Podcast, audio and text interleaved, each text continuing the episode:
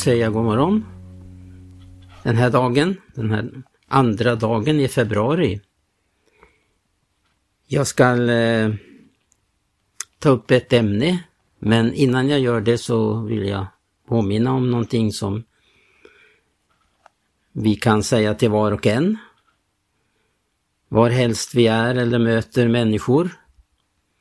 Och eh, när vi möter människor idag så är de mycket med, medvetna om eh, den oro och eh, den tid vi lever som eh, går mot en slutkatastrof. Som Bibeln klart tydligt säger. Och eh, det finns bara en möjlighet till räddning. Och det är så som Noa upplevde sin räddning.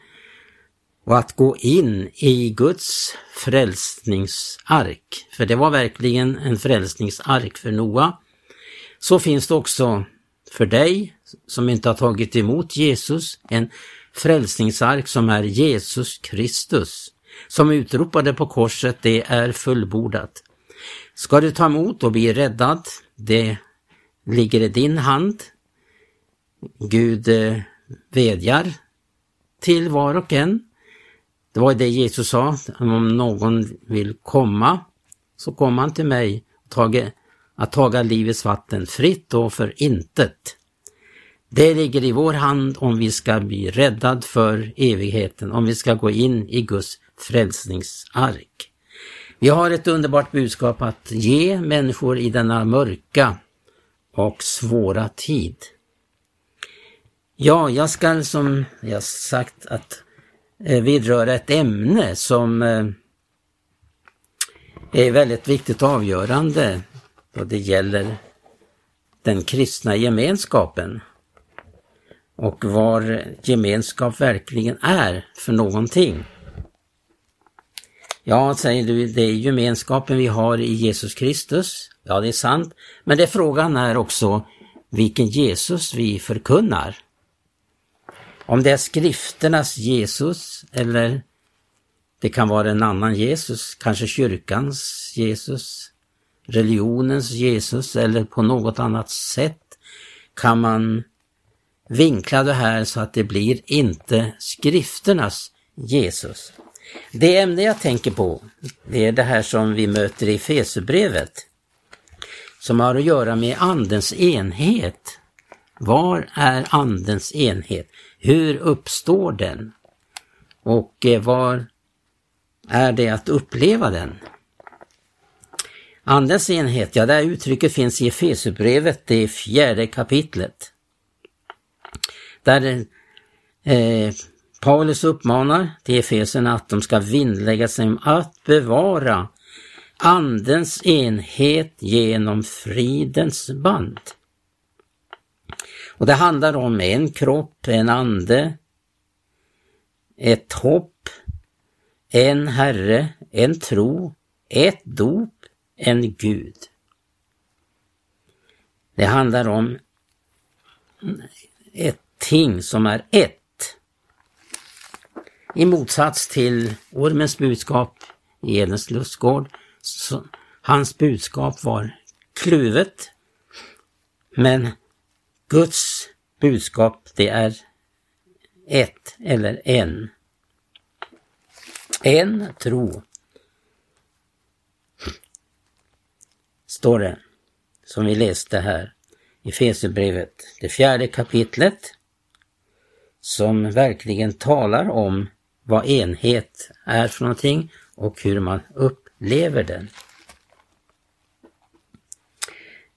Enhet, det är ingenting som man kan skapa på ett mänskligt sätt. Utan enheten kommer utav att man har en förkunnelse som är bibel, bibelförankrad. För enheten, det handlar inte om att eh, man på, som man många gånger tänker sig, att man ska vara enade, men inte var i man är enad. Det är, frågan, det är det som är det avgörande. Var är man enad i? Är det, eh, människors olika uppfattningar kan ju inte skapa andens enhet. Andens enhet, den är ju redan upprättad genom att eh, eh, Guds ord förkunnades av apostlarna exempelvis. När man läser i Apostlagärningarna och i den första församlingen så upplever man enheten på det viset att man höll fast vid apostlarnas undervisning. Och apostlarnas undervisning var inte vilken undervisning som helst. Det var frågan om att den var eh, eh, i ett med vad den heliga ande uppenbarade för dem. Och den heliga ande uppenbarade dem för skrifterna. Anden gjorde ordet levande och det var verkligen handla om att det är någonting levande för att andens enhet ska upplevas. Men grunden till andens enhet var ju just detta att man höll fast vid apostlarnas undervisning, vidare brödragemenskapen, brödsbrytelsen och bönerna. Jag läste häromdagen i en bok eh, och den är skriven av eh, Martin Lord Jones. Han eh, har skrivit om det, den grunden till den kristna enheten. Han tar upp ett exempel hur man kan eh, komma bort ifrån vad grunden är för enhet. Och eh, han skriver bland annat om i den här boken eh, då han lyssnade till en förkunnare som hade övergett det här med att enheten den skapas genom Guds ord, vad Guds ord lär.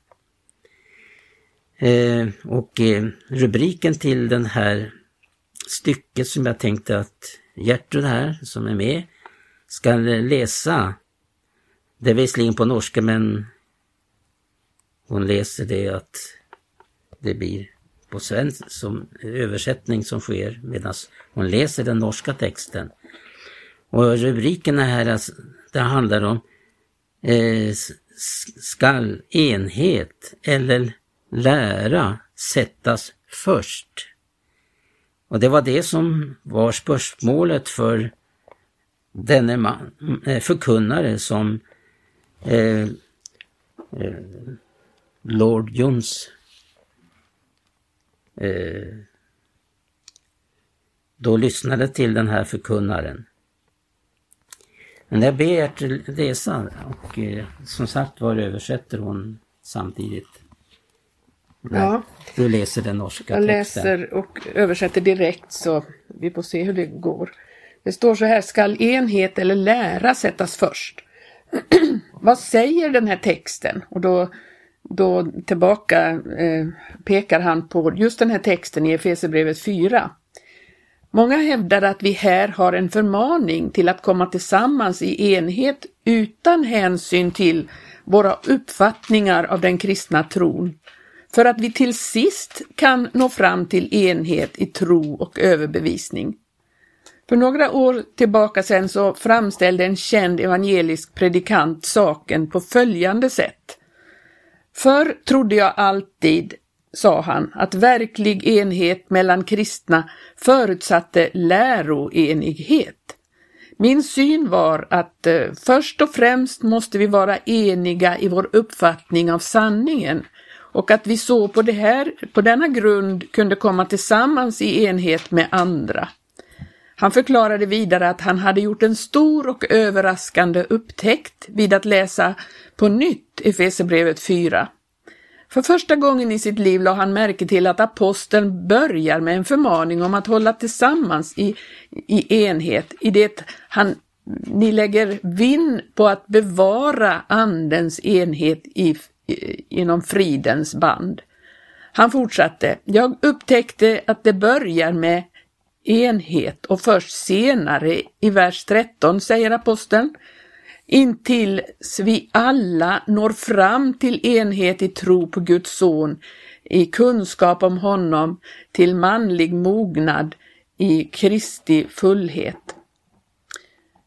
I ljus av det här menade han sig nu kunna komma tillsammans också med människor med andra teologiska uppfattningar, eh, anhängare av liberala lärosyner och andra. Genom en sån gemenskap menade han att kunna komma fram till en läromässig enhet. Den här ståndpunkten var stick i stäv med det han förr hade hävdat. Han kände sig syndig och dömd på grund av sin tidigare syn. Nu Eh, uppfordrade han and, kristna till att omsätta sin nya syn på eh, om, eh, ja, omsätta sin nya syn på Efesierbrevet 4 i praktisk handling. Det är vid att arbeta tillsammans, evangelisera tillsammans och be och vara kristna tillsammans, förklarade han nu, som vi till slut ska komma fram till enhet i tro. Ja, eh, enhet som inte är baserad på ordets grund är ingen verklig andens enhet. Anden verkar ju genom ordet och uppenbara ordets sanningar.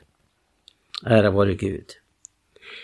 Men då det gäller försam en församling så går det aldrig att eh, föra fram det här på ett köttsligt sätt utan det måste så som apostlarna förkunnade genom Andens smörjelse, ordet, så att ordet får åtskilja det som är mänskliga tankar och det som är Guds ords tankar.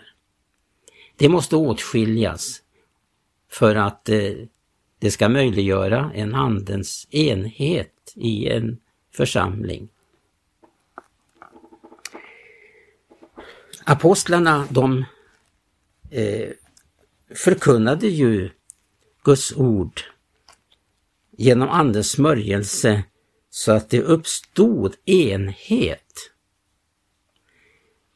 Och eh, som jag sa så kan man inte göra det på ett köttligt sätt, kötsligt sätt utan det måste den heliga Andes smörjelse till för att övertyga vad som är Guds ord och vad som är människors ord. Paulus till exempel skriver så här i andra Korinthierbrevet 10 från vers 3 till vers 6. Till fastän vi vandrar köttet föra vi dock icke en strid efter köttet. Våra stridsvapen är nämligen icke av kötslig art, de är tvärtom så mäktiga inför Gud att de bryter ner fästen. Ja, de bryter ner tankebyggnader och alla slags höga bålverk som uppresas mot kunskapen om Gud och vi taga alla slags tankefunder till fånga och lägga dem under Kristi lydnad. Och när lydnaden fullt har kommit till välde bland eder, då är vi redo att näpsa all olydnad.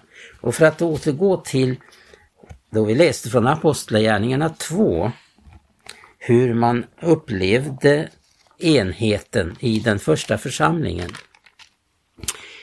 Eh, och resultatet av detta, att eh, man höll fast vid apostlarnas undervisning, det skapade ju en gemenskap som inte är baserad på, på vad människor kan åstadkomma utan det som vi har tidigare läst i Efesierbrevet, det handlade om Andens enhet.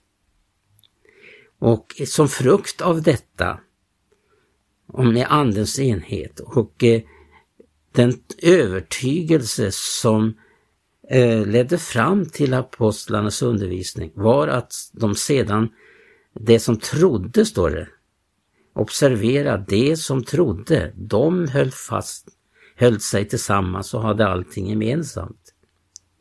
Hur man sålde jordagods, eljest vad man ägde och man delade det åt var och en efter vad, var och en behövde. Och ständigt var man endräktigt tillsammans.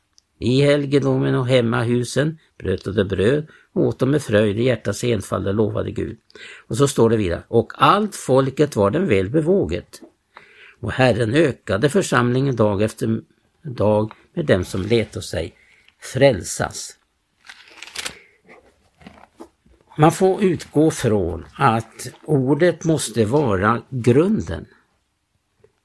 Och eh, det är det som skapar eh, enhet, att man tänker likadant. Jag ska läsa till exempel vad Paul skriver också i första Korinthierbrevets första kapitel, från tionde vers. Men jag förmanar eder, mina bröder, vid Herren Jesus Kristus namn, att alla vara eniga i eder tal och att icke låta söndringar finnas bland eder, utan hålla fast tillhopa i samma sinnelag och samma tänkesätt. Där behöver man inte skapa eh, eh, samma tänkesätt när man, man håller sig till ordet. Då ordet förkunnas och undervisas i församlingen så leder det till att man har samma sinnelag och samma tänkesätt. Och så fungerar Guds församling. Vi kan ta exempel om hur det var eh, det som tjänade Gud under gamla förbundets tid. Eh, vi har det här exemplet om Israels folk under ökenvandringen. Och det är oerhört eh, allvarligt och skrämmande att se vad det innebär då inte ordet får vara det som utformar vad vi tänker och vad vi gör.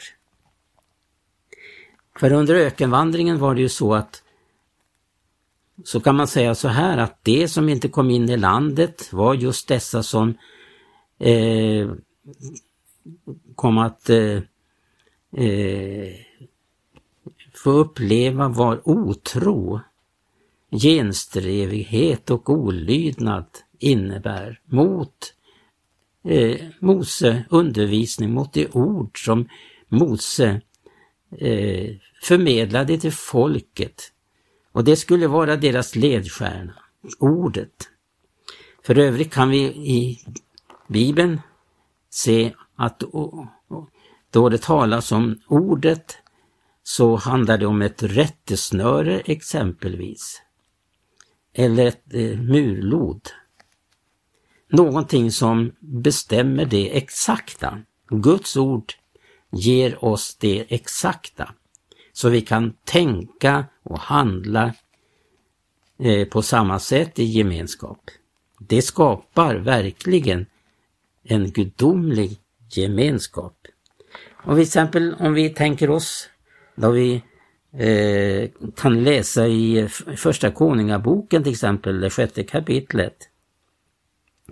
Så vid det här tillfället så fick eh, David uppleva genom Andens uppenbarelse i frågan om att då man skulle bygga templet, Salomos tempel, så handlar det om att David han fick eh, uppenbarelse om templet, hur det skulle byggas, hur det skulle se ut. Salomo verkställde detta. Och han arbetade efter eh, den uppenbarelsen. Han gjorde efter ordet. För det står så här till exempel i Första Konungaboken 6, det tolfte versen. Där säger Gud så här till Salomo, med detta hus som du nu bygger ska så ske, om du vandrar efter mina stadgar och gör efter mina rätter och håller alla mina bud och vandrar efter dem, så skall jag på dig uppfylla mitt ord, det som jag talat eh, till din fader David om. Jag ska bo ibland, mitt ibland Israels barn och skall icke övergiva mitt folk Israel. Och sen står det vidare i fjortonde versen. Så byggde nu Salomo huset och fullbordade det. Vi kan tänka oss också att när man arbetade med detta tempel att det var en arbetsgemenskap som var byggt på den gudomliga uppenbarelsen, vad man gjorde för någonting. Det handlade om vad Gud hade uppenbarat, vad Gud hade sagt att man skulle göra. Det förenade dem i arbetet. Lika som väl Noa, när han byggde arken. Det handlade också om en underbar gemenskap, en, en gemenskap som uppstod i det att man gjorde efter vad Gud hade sagt man skulle göra. Man arbetar tillsammans. Och det handlade inte om att någon arbetade si och den andra så, utan det var i enlighet med Guds uppenbarelse. Så har också Gud uppenbarat då det gäller församlingen och en andens enhet i församlingen, hur den uppstår. Och då har vi de här exemplen som jag har nämnt ifrån Apostlagärningarna att man höll fast vid apostlarnas undervisning. Det är väl så att när man förkunnade ordet så blev det till vägledning för människor, för de nya som kom in i, i församlingen, som inlämnades i församlingskroppen. De fick ju en undervisning om för att låta Guds ord få eh, det inflytande som det skulle ha. Det var någonting som eh, man inte hade kunnat tänka sig. Utan eh, det var ju någonting, någonting som var av himmelen. Gemenskapen var av himmelen. Och så är det också i alla tider att frågan är om man närmar sig Guds ord eller om man är på bort, går bort ifrån vad Guds ord lär. Det är det som är avgörande för oss. Om ordet skall få eh, bli vägledande, då skapar det enhet. Man tänker på samma sätt, handlar på samma sätt. Och detta med församlingen som då ska vara en, som ett tempel, växa upp till ett heligt tempel i Herren. För att Gud ska bo där, han ska trivas där. Så vi avslutar med, som vi ofta brukar sjunga i en sång, åter till ordet. Ja, mörka tider stunda. Det är verkligen sant detta. Vi upplever en mörk tid, men tänk att ordet har fortfarande makt och kan skapa enhet. Ordet skapar enhet. Ordet skapar någonting som är av gudomlig identitet. Gud uppenbarar sig så som Gud uppenbarar sig Jesus Kristus som var ordet, som förkunnade ordet, som förkroppsligade ordet och därmed så blev han, Jesus Kristus, församling, grunden till församlingen. Det upplevda ordet blev grunden, för ingen annan grund kan någon bygga på annat än den grund som redan är lagd, som blev lagd i Jesus Kristus. Jag hoppas vi har fått ut någonting av detta och vi kommer igen med undervisning och eh, vi kan säga då på återhörande och jag som har talat heter Tage Johansson. I den sena middagsstund kämpar